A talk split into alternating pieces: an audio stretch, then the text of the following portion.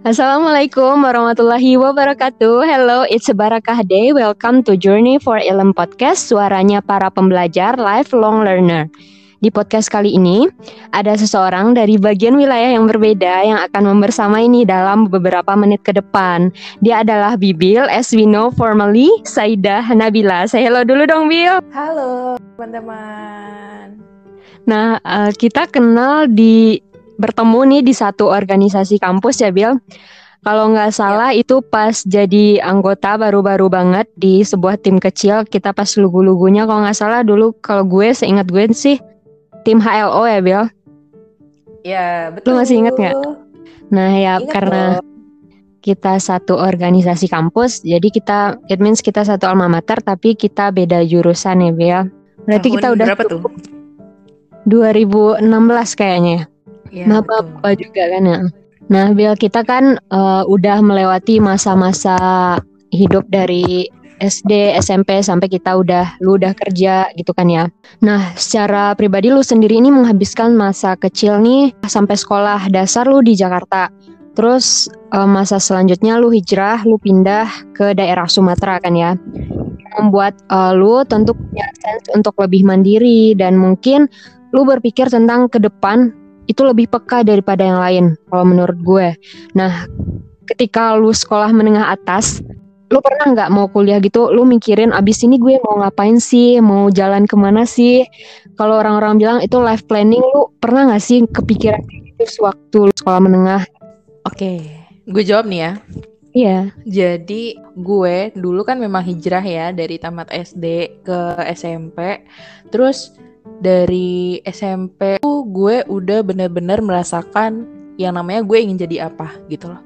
Jadi hmm. dulu kalau misalnya ditanya soal impian waktu SD itu kayak cita-cita kamu jadi apa sih gitu kan. Nah, hmm. itu tuh standar aja gitu. Pengennya jadi dokter, orang banyak kan jadi dokter. Iya. Tapi pas di SMP nih gue udah punya prinsip gitu gitu. Jadi keinginan yang benar-benar dari diri gue sendiri gitu. Waktu itu gue juga cita-cita gue jadi psikolog. Oh, I see. Uh, dan sampai uh, apa sih yang buat lo ingin jadi psikolog gitu kan? Hmm. Nggak terlalu ada alasan yang muluk-muluk. Gue cuman mau ngebantu orang-orang yang butuh bantuan gue gitu loh. Hmm. Nah, gue ngelihat pandangan seorang psikolog nih membereskan jiwa-jiwa yang jiwanya nggak selesai gitu loh, ya nggak?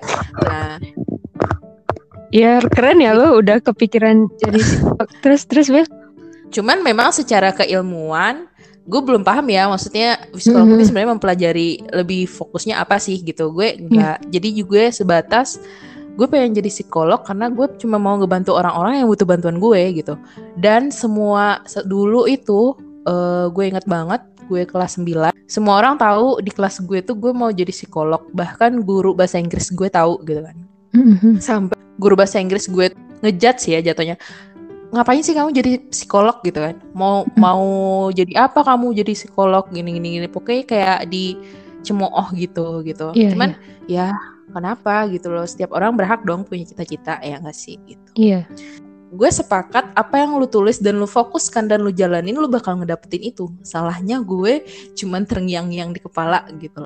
Akhirnya gue dulu masuk gue SMK gue ke tamatan SMK kodarullahnya tamatan SMK karena gue undangan di SMK itu gitu. Lu jalur prestasi gue, gitu ya? Mm. Jadi gue pernah ikut lomba, gue menang di SMK itu dan gue ditolak di SMA yang kelas unggulnya hmm. uh, masuk kelas biasa ya udahlah waktu itu pilihannya gue masuk kelas SMK dan jurusan gue itu teknik komputer, teknik jaringan ya uh, awalnya pas gue daftar itu gue milihnya ya udah gue kalau mau SMK gue kan lebih suka yang iya. berhubungan yeah. dengan matematika dan segala macam. Diban dibanding biologi atau apa pun gue lebih suka matematika gitu loh. Gue bilang gue kalau mau masuk SMK gue maunya akuntansi. Awalnya gue bilang ke uh, tante gue ngurus gue di Padang waktu itu kan. Yeah. ternyata pas daftar ditanya kan ke sekolah jurusan yang bagus apa di sini gitu. Ternyata dibilang oh jurusan yang bagus TKJ pada akhirnya gue didaftar jurusan TKJ ya udahlah kodarullahnya gue masuk di jurusan TKJ itu beda tuh TKJ terus lu pengen jadi psikolog. Nah gimana? Arahnya arahnya gimana tuh? Arahnya memang uh, gue mengikuti jalannya aja gitu. Gue hmm. ada di posisi yang gini oke okay, uh, eh, masih sekolah nih. Gue udah berarti udah nggak bisa dong jadi psikolog karena jurusan gue udah TKJ ya udah di situ gue mengikhlaskan dan awalnya juga yang buat gue sakit hati adalah gue mau masuk akuntansi malah jalur masuknya ke TKJ gitu loh. Iya ya. Terus terus. Iya kan. Terus uh, di situ ada hal-hal yang mencoba gue ik ikhlaskannya seperti ini. Tahun 2000 gue ikut lomba ngewakilin sekolah di Universitas Negeri Padang itu hmm. lomba LKS uh, eh, jatuhnya kalau di SMA itu olimpiade gitu ya olimpiade IPA biologi dan lain sebagainya hal. Nah kalau SMK untuk eh, lomba-lomba kayak gitu LKS namanya lomba kompetensi hmm. siswa. Nah itu gue ngewakilin sekolah buat ikut lomba. Pokoknya gue buat aplikasi waktu itu. Uh, alhamdulillahnya gue masuk TKJ ya bukan nyombongin diri juga ya tapi kayak mungkin memang ini udah Allah kasih jalannya gitu. Gue dari kelas 1 sampai kelas 3 ranking 1 terus terus gue ngewakilin sekolah gue lomba gue juara dua sampai akhirnya gue masuk UNP juga mungkin karena undangan tadi lagi gitu loh. Dan nah, jurusannya gitu. linear sama TKJ gitu ya Bel? Iya dan itu tuh sebenarnya udah terakhir banget. Karena tamat sekolah gue berusaha masuk ke impian gue lagi nih. Oke, okay, seenggaknya dan waktu itu kan gue nggak tahu ya kalau ternyata di UNP itu ada jurusan psikolog. Gue taunya ada Oh iya, ada BK. jurusan uh -uh. Uh -uh. Uh, gue taruhnya ada BK. Nah, gue ambil jurusan BK. Tapi hmm. waktu itu ya udahlah daripada gue nggak lulus di mana-mana karena kan keluarga gue ngarepinnya gue harus masuk negeri gitu kan. Hmm. Ya udah, gue gue tetap ngambil jurusan BK tapi gue yang pilihan pertamanya gue linear dulu dengan jurusan gue yang sebelumnya di SMK gue baru guru BK dan kode rugohnya gue pilihan pertama ya, ya rezeki gue di pilihan pertama gitu. Oke. Okay. dari hal-hal yang ini kan masalah jalan yang besar ya Bill jangka panjang itu emang kayaknya kita tuh udah udah ngeset untuk merencanakannya dengan matang meskipun itu hanya disimpan di kepala aja kayak lu tadi kan. Dan memang juga ada beberapa hal yang let it flow kayak lu udah di titik ini nih ya udah ikutin aja kata lu tadi kan. Tapi sesungguhnya biarpun itu let it flow pasti ada hal hal itu masih mengandung harapan untuk bisa sesuai sama keinginan lo gitu kan ya. Dan itu terbukti kalau dia nggak sesuai sama keinginan kita kita pasti bakal ngerasa nggak nyaman di hati meskipun waktunya nggak begitu lama kayak yang direncanain gitu kan ya. Nah apalagi buat hal-hal yang direncanain itu matang gitu. Eh ketika ma malah beda arahnya kita jadi uh, ngestak apalagi worst case-nya kita gagal gitu. Nah di masa kayak gitu kan lu pernah tuh biar merasa uh, path-nya beda gitu. Nah, ketika worst case-nya nih gagal nih lagi enak-enaknya berjuang tapi kesandung batu gitu, Bel lu pernah nggak ngalamin kesandung batu ini? Maksudnya lu jatuh dan ya lu berada di titik yang orang bilang titik terendah gitu. Lu pernah nggak ngalamin gitu bel? Kan tadi masuk kuliah nih dengan segudang prestasi gue dulu waktu sekolah gitu ya kuliah juga masih linear harusnya gue lebih mumpuni dong dengan hal tersebut gitu kan. Iya. Yeah. ternyata beda gitu maksudnya adalah di situ gue menyadari prestasi gue sekolah memang gue yang mencapai. Tapi ternyata karena ada guru yang mengajarkan hal tersebut dan gue mampu mengikutinya gitu loh. Kalau dosen tuh kan ngejelasin sedetail itu gitu loh. Mm -hmm. jadi dos dosen ngejelasin bla bla bla bla terus kita kayak menganalisa sendiri gimana pembelajarannya gimana tugasnya dan sebagai hal. Nah itu kesulitan gue di situ gitu. Kesulitan gue adalah kalau nggak suka-suka banget gue males belajarnya gitu loh. Hmm, apalagi lu anak teknik gitu ya. Lingkungan lu juga menuntut nah. menemani lu dengan it, hal itu gitu kan. Dan kalau gak minat gue suka mempelajari itu gitu. Gue udah gak suka kan sama jurusan ini gitu. Kodarulonya gue masuk lagi nih di jurusan ini gitu. Aduh kayak nambah deh beban gue gitu kan. Uh, apalagi gue waktu itu kita sama-sama sibuk organisasi ya Iya. Di masa kuliah itu saking gue menomor dua kan kuliah gitu ya agak keteteran di kuliah gue sampai pas penyelesaian skripsi atau tugas akhir pun gue uh, sebenarnya keteterannya adalah karena gue bingung mau buat apa gitu loh dengan dengan kemampuan keahlian gue yang mungkin biasa aja di jurusan itu gue mau buat apa ya gitu tapi di situ tuh after ini lagi ke diri gue after ini selesai setelah skripsi ini ini, ini selesai lo mau jadi apa gitu gue di jurusan gue tuh gak nggak expert expert expert banget gitu. Gue beruntungnya gue saat itu gue memang di jurusan yang salah tapi gue masuk di pendidikan gitu loh. Maksudnya gimana? Si ada unggulnya ada oh. unggulnya gue suka ngajar dan oh, beruntungnya gue ada dan beruntungnya gue adalah gue masuk di dunia pendidikan gitu. Jadi ya memang lagi-lagi kodarullah ya dan memang cium bau-bau pendidikan itu baru tahu nih baru merasa beruntung ya gue uh, masuk dunia pendidikan beruntung ya gue ada di dunia ini yang memang gue merasa uh, mungkin ini jalannya gitu. Karena gini loh, Ndri. Mm -hmm. Kenapa gue merasa ini jalannya? Kan dulu cita-cita gue psikolog ya. Mm -hmm.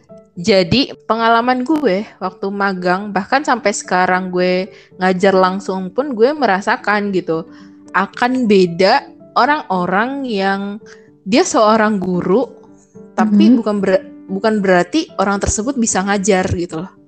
Paham nggak? Jadi nggak semua guru itu bisa ngajar dan nggak semua guru itu bisa mengambil hati muridnya gitu. Hmm.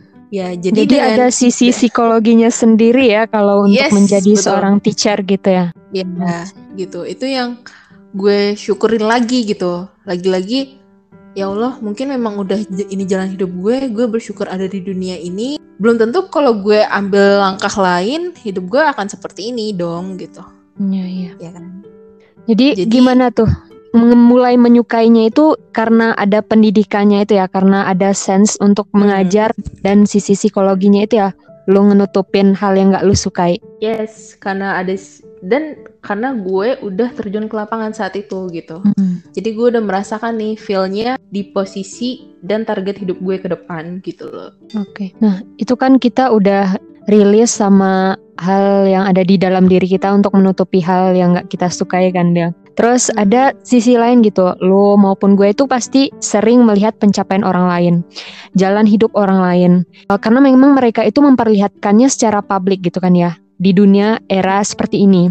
Nah beberapa yeah. case di situasi sekarang itu uh, buktinya naik yang namanya isu-isu insecure dan sebagainya itu adalah bukti nyata daripada hal tersebut kan salah satu efek uh. karena mendengar melihat terus kita balikin ke diri kita gitu kan ya nah kalau di keadaan lu di circle lu lu rilis nggak sama keadaan seperti itu? Ketika lu udah rilis sama diri lu sendiri eh ada sisi eksternal nih yang bikin uh, goyang lagi gitu. Menurut lu hal ini rilis nggak sama hidup lo gitu? Atau circle lo?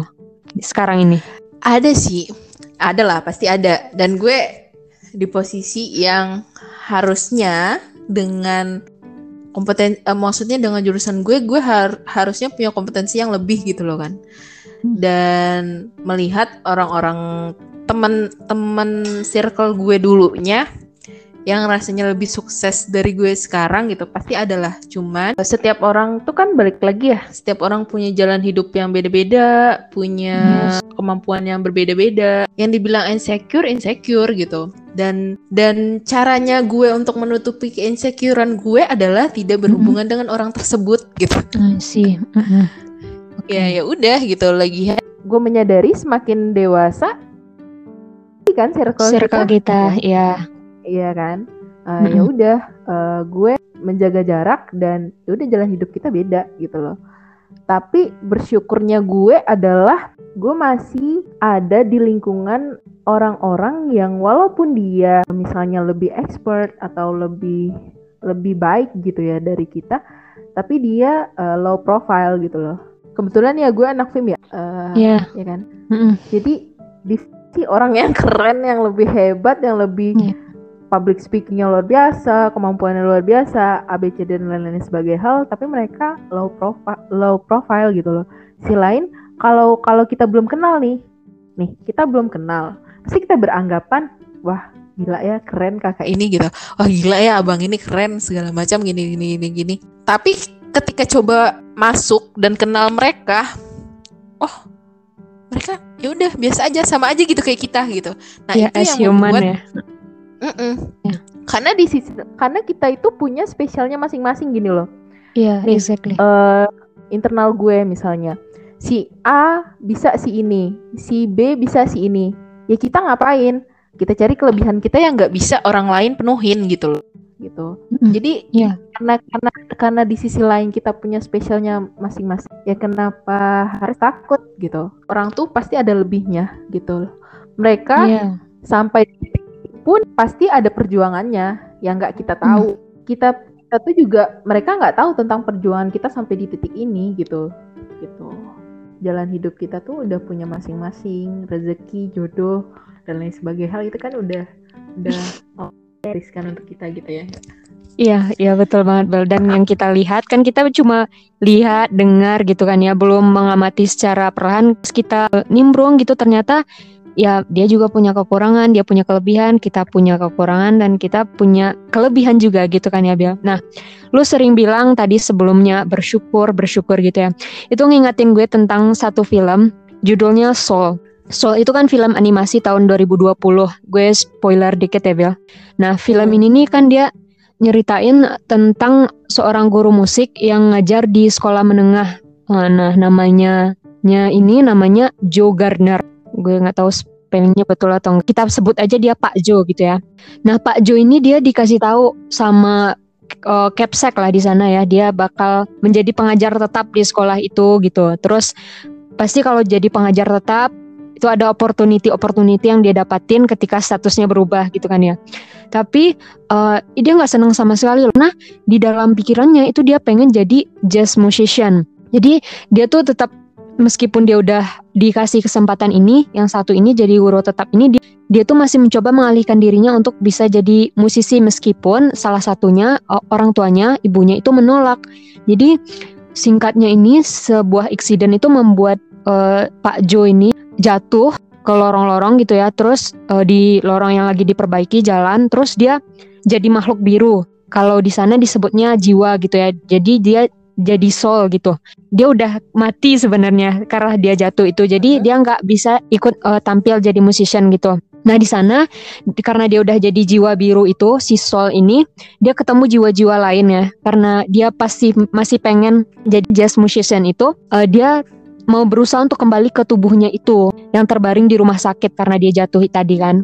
In case di sini animasi dan film gitu ya, jadi pemanisnya dia bisa dia bisa balik lagi gitu ke ke kehidupannya setelah itu. Sebenarnya kan kita nggak bisa kembali lagi kalau udah mati kan ya. Mm-hmm. Tapi hal yang gue dapat dari film ini sekaligus value yang bikin film ini tuh naik gitu hype. Si Pak Jo ini nggak pernah memaknai dan menghargai kehidupan yang ia jalanin itu. Jadi yang Sebelumnya kan dia jadi guru tuh, terus dia nggak menikmati dan hampa aja gitu.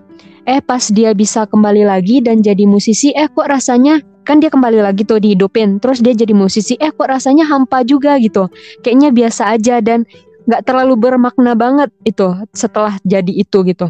Alhasil ia menyadari bahwa kebersyukurannya itu tidak ikut bersama setiap hal yang dia lakukan pada dirinya saat itu gitu. Dia baru realize setelah dia hidup kembali. Nah, Terus pesan yang kedua yang gue dapat, misalkan kita jatuh nih dan kita ini masih di bumi, masih belum beda dunia alias kita belum mati ya. Itu artinya kita masih punya kesempatan. Jatuh itu membuat kita sadar kan ya, gagal nggak sesuai sama harapan kita itu membuat kita memaknai banyak hal ya. Dan kita berbeda dari diri kita yang dulu. Dan agar kita juga berhati-hati lagi ke depannya. Jadi solusinya emang bangkit terus mulai lagi kan Bel soalnya kalau udah mati yeah. tentu nggak bisa kayak Pak Jo yang tadi bisa dikembalin lagi terus dia bisa jadi musician lagi kan ya. Tapi ketika kita masih di bumi terus kita perbaiki kesalahan kita terus kita menyadari kita follow our path dan fokus sama apa yang ada sekarang gitu kan Bel. Jadi kita memang harus menikmati path kita sekarang apa pun itu yang tentunya sesuai dengan ketentuan yang maha kuasa kayak lo sekarang lo jadi pengajar, lo ikut jadi volunteer, terus lo menjalani peran lain gitu kan ya. Dan kita juga gue juga seperti menjalani peran gue gitu dan kita berjalan di jalan yang berbeda gitu kan ya Bel. Ada juga yang menjalani peran lain di pekerjaannya, di kehidupannya dan kita semua punya challenge di sana gitu dan challenge kita sesuai dengan uh, kemampuan kita itu udah uh, fitrahnya kan. Nah, kita punya jalan juang yang berbeda dan itu wajar kan ya Bel? Betul sekali. Nah, kita juga punya mimpi yang berbeda terus uh, contohnya kita berdua kita dekat nih nggak nggak setahun dua tahun ngobrol main organisasi bareng gitu kan but we have our own path dan mimpi yang berbeda tapi kita bisa bersama karena we complete each other as a friend like kayak kamu bilang tadi kan Bel tah ngomongin mimpi sama harapan yang kan lu udah jadi kak apa yang lu harapin sekarang tapi pasti kita juga akan berjalan ke depan nih apa sih alasan terbesar lu untuk meraih mimpi yang lu tanamkan detik ini?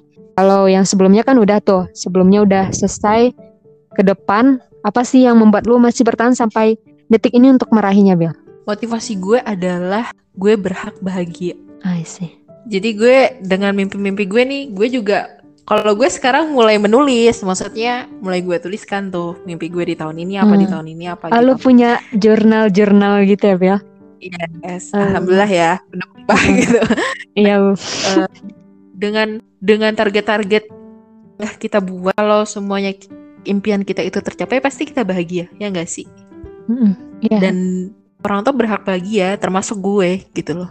Jadi mm. ya udah, uh, alasan terbesar ya gue berhak bahagia gitu.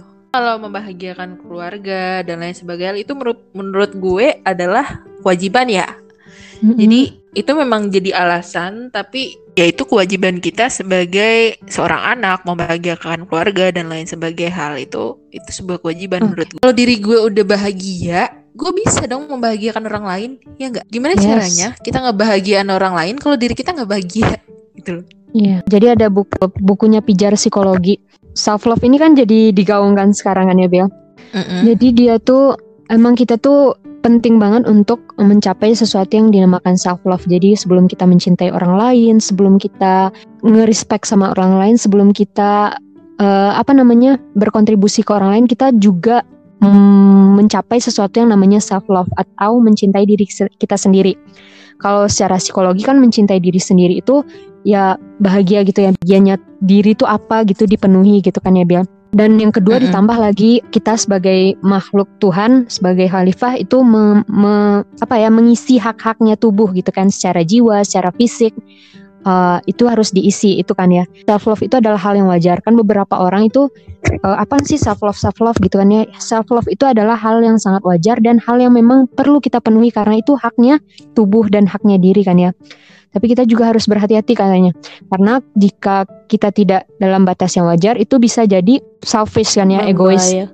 Uh -uh, selfish egois gitu kan ya. Jadi malah malah membahayakan orang lain gitu ya. Tapi jika yep. kurang jika kurang itu malah jadi selfless, hampa gitu.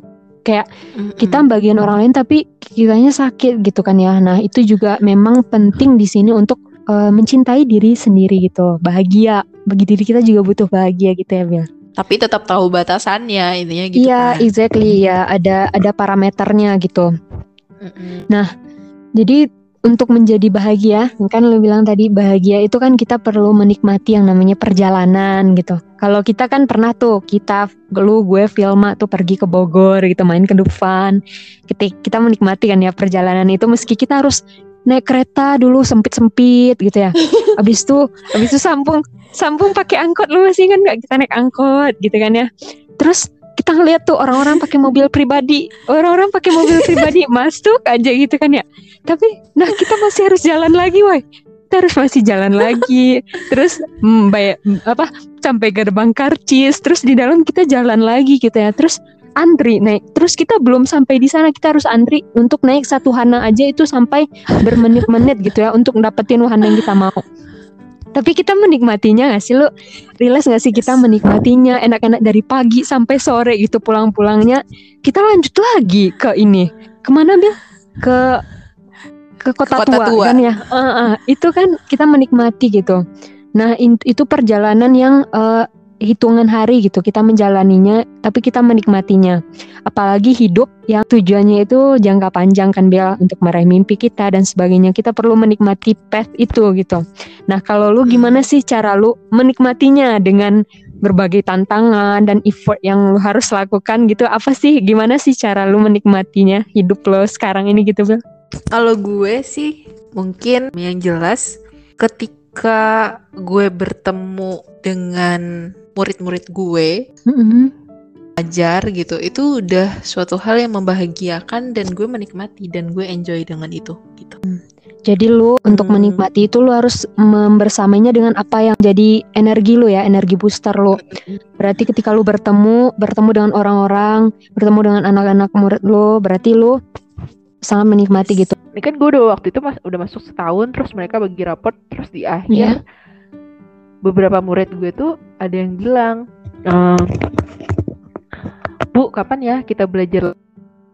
Kebetulan kan gue ngajar desain waktu itu kan. Uh, yeah, bu saya pengen ngedesain lagi. Bu saya pengen belajar lagi dan lain sebagainya. Hal itu tuh kayak wow gitu. Ternyata gue berarti di di matamu dan yeah. gue merasa uh, dan gue uh, dengan perasaan-perasaan yang itu yang membuat gue menikmati dengan apa yang gue jalanin sekarang gitu loh. Perasaan-perasaan yang merasa dihargai orang lain, merasa orang lain butuh kita gitu. Iya, itu iya, yang membuat betul. gue menikmati hidup sampai akhirnya gue bahagia gitu. Ya, kalau gue gitu. boleh uh, take a conclusion sih menurut gue uh, dengan keadaan lu sekarang lu menjadi guru itu udah kayak jadi passion lu sih. Karena lu menjalani sesuatu dengan hal sesuatu itu lelah kan pasti melelahkan jadi guru. Lu online lu harus bikin banyak hal kan ya Bial banyak banyak lah tuntutan menjadi seorang guru itu. Tapi lu nyaman di sana lu uh, enjoy di sana. Nah kalau gue boleh nambahin nih nah, cara menikmati hidup lainnya. Yang pertama itu dari yang lu bilang tadi itu ya fokus sama path lu ya, jalan lu. Kalau kata James Clear di buku Atomic Habits, nah kan kita harus lebih baik dari diri kita tuh satu persen setiap hari. Nah ini kan maknanya tuh maksudnya kecil ya, atom tuh kecil, tapi terus jadi bisa kayak bola salju, biar gede, bisa gede gitu dan berdampak ke diri sendiri karena dia dilakukan setiap hari itu kan ya. Di sini di di satu persen lebih baik dari diri kita yang sebelumnya itu kan artinya tuh bukan dari diri orang lain kita lebih baiknya setiap hari itu ya. Jadi dari diri Tapi kita dari yang sebelumnya. Yes. Uh -uh. Mm -mm. Jadi lu tuh kan udah ngerilis tuh lu lu pengen jadi guru, lu udah berprogres setiap harinya. Mungkin lebih dari satu persen setiap hari. Karena itu dia dibilang satu persen tuh udah minimalnya kita gitu. Tapi karena setiap hari jadi gede sebenarnya gitu. Jadi emang kita harus berpandai-pandai dalam menjaga pikiran, apalagi di era sekarang yang semuanya tershow up gitu dan ya emang fokus sama jalan kita tuh dan kita insya Allah bakal nikmat ya Bel kalau udah fokus terus apalagi sesuai sama syariat Allah terus kita ini respectnya bakal ngikut gitu. Terus yang kedua ya minta pertolongan sama Allah. Pasti lu lu berada di lingkungan sekarang gitu kan ya dan dengan kondisi uncertainty itu kemarin itu Bel gue belanja gitu kan ya. Ada orang beli cabai terus dia giling di tempat itu. Jadi dia gilingin cabai jadi halus gitu Uh, jadi upah satu kilo cabai itu empat ribu bel. Nah dia gilingin cabenya, terus abis itu uh, tiba-tiba jam 8 gitu mesinnya rusak, mesin penggiling cabai yang gede itu bel. Tahu nah, dong. tahu dong ya, betul tahu ya. Nah itu membutuhkan waktu yang nggak sebentar dan antri gitu. Dan nggak antri aja, orang lain juga memilih pasti ada orang yang giling cabai lain di sana gitu ya di pasar itu. Kalau dia nggak realize sama kejadiannya saat itu dan dia nggak fokus ke solusi mungkin ya dia bakal kesel marah-marah. Apa yang dia bilang ketika pertama pertama mesinnya rusak itu ya bukan onde mande atau apa gitu. Astagfirullahalazim dia bilang ya terus jadi karena gue antrean pertama jadi gue menunggu dengan setia gitu kan ya sampai mesinnya pun uh, dia ganti mesinnya kurang lebih satu jam gitu untuk menunggu sebuah mesin cabai itu kembali berputar dengan baik gitu biar bisa menggiling. Dan itu tuh itu hal uncertainty nggak kebayang gitu ya dan minta pertolongan sama Allah itu emang menjadi uh, menjadi peneman dalam hari-hari kita gitu kan ya Bel. Bener nggak suatu hal yang luar biasa sih gitu. Karena selama ini yang nguatin gue ngejalanin hidup tuh ya ketika kita percaya Allah ada dan nggak tahu nih udah udah down nih mau cerita ke siapa bingung nggak tahu mau minta ke siapa bingung ya kita punya Allah ya nggak? Dan gue ngerasain hmm. banget gitu loh. Iya betul banget dan menurut gue kita emang kadang dalam jalan itu perlu disandung dikit sama batu kan. Biar sadar gitu kalau kita tuh jatuh siapa sih yang benar-benar nolong kita? Di saat kita di titik terendah siapa sih yang pertama kita panggil? Allah atau bukan gitu kan ya.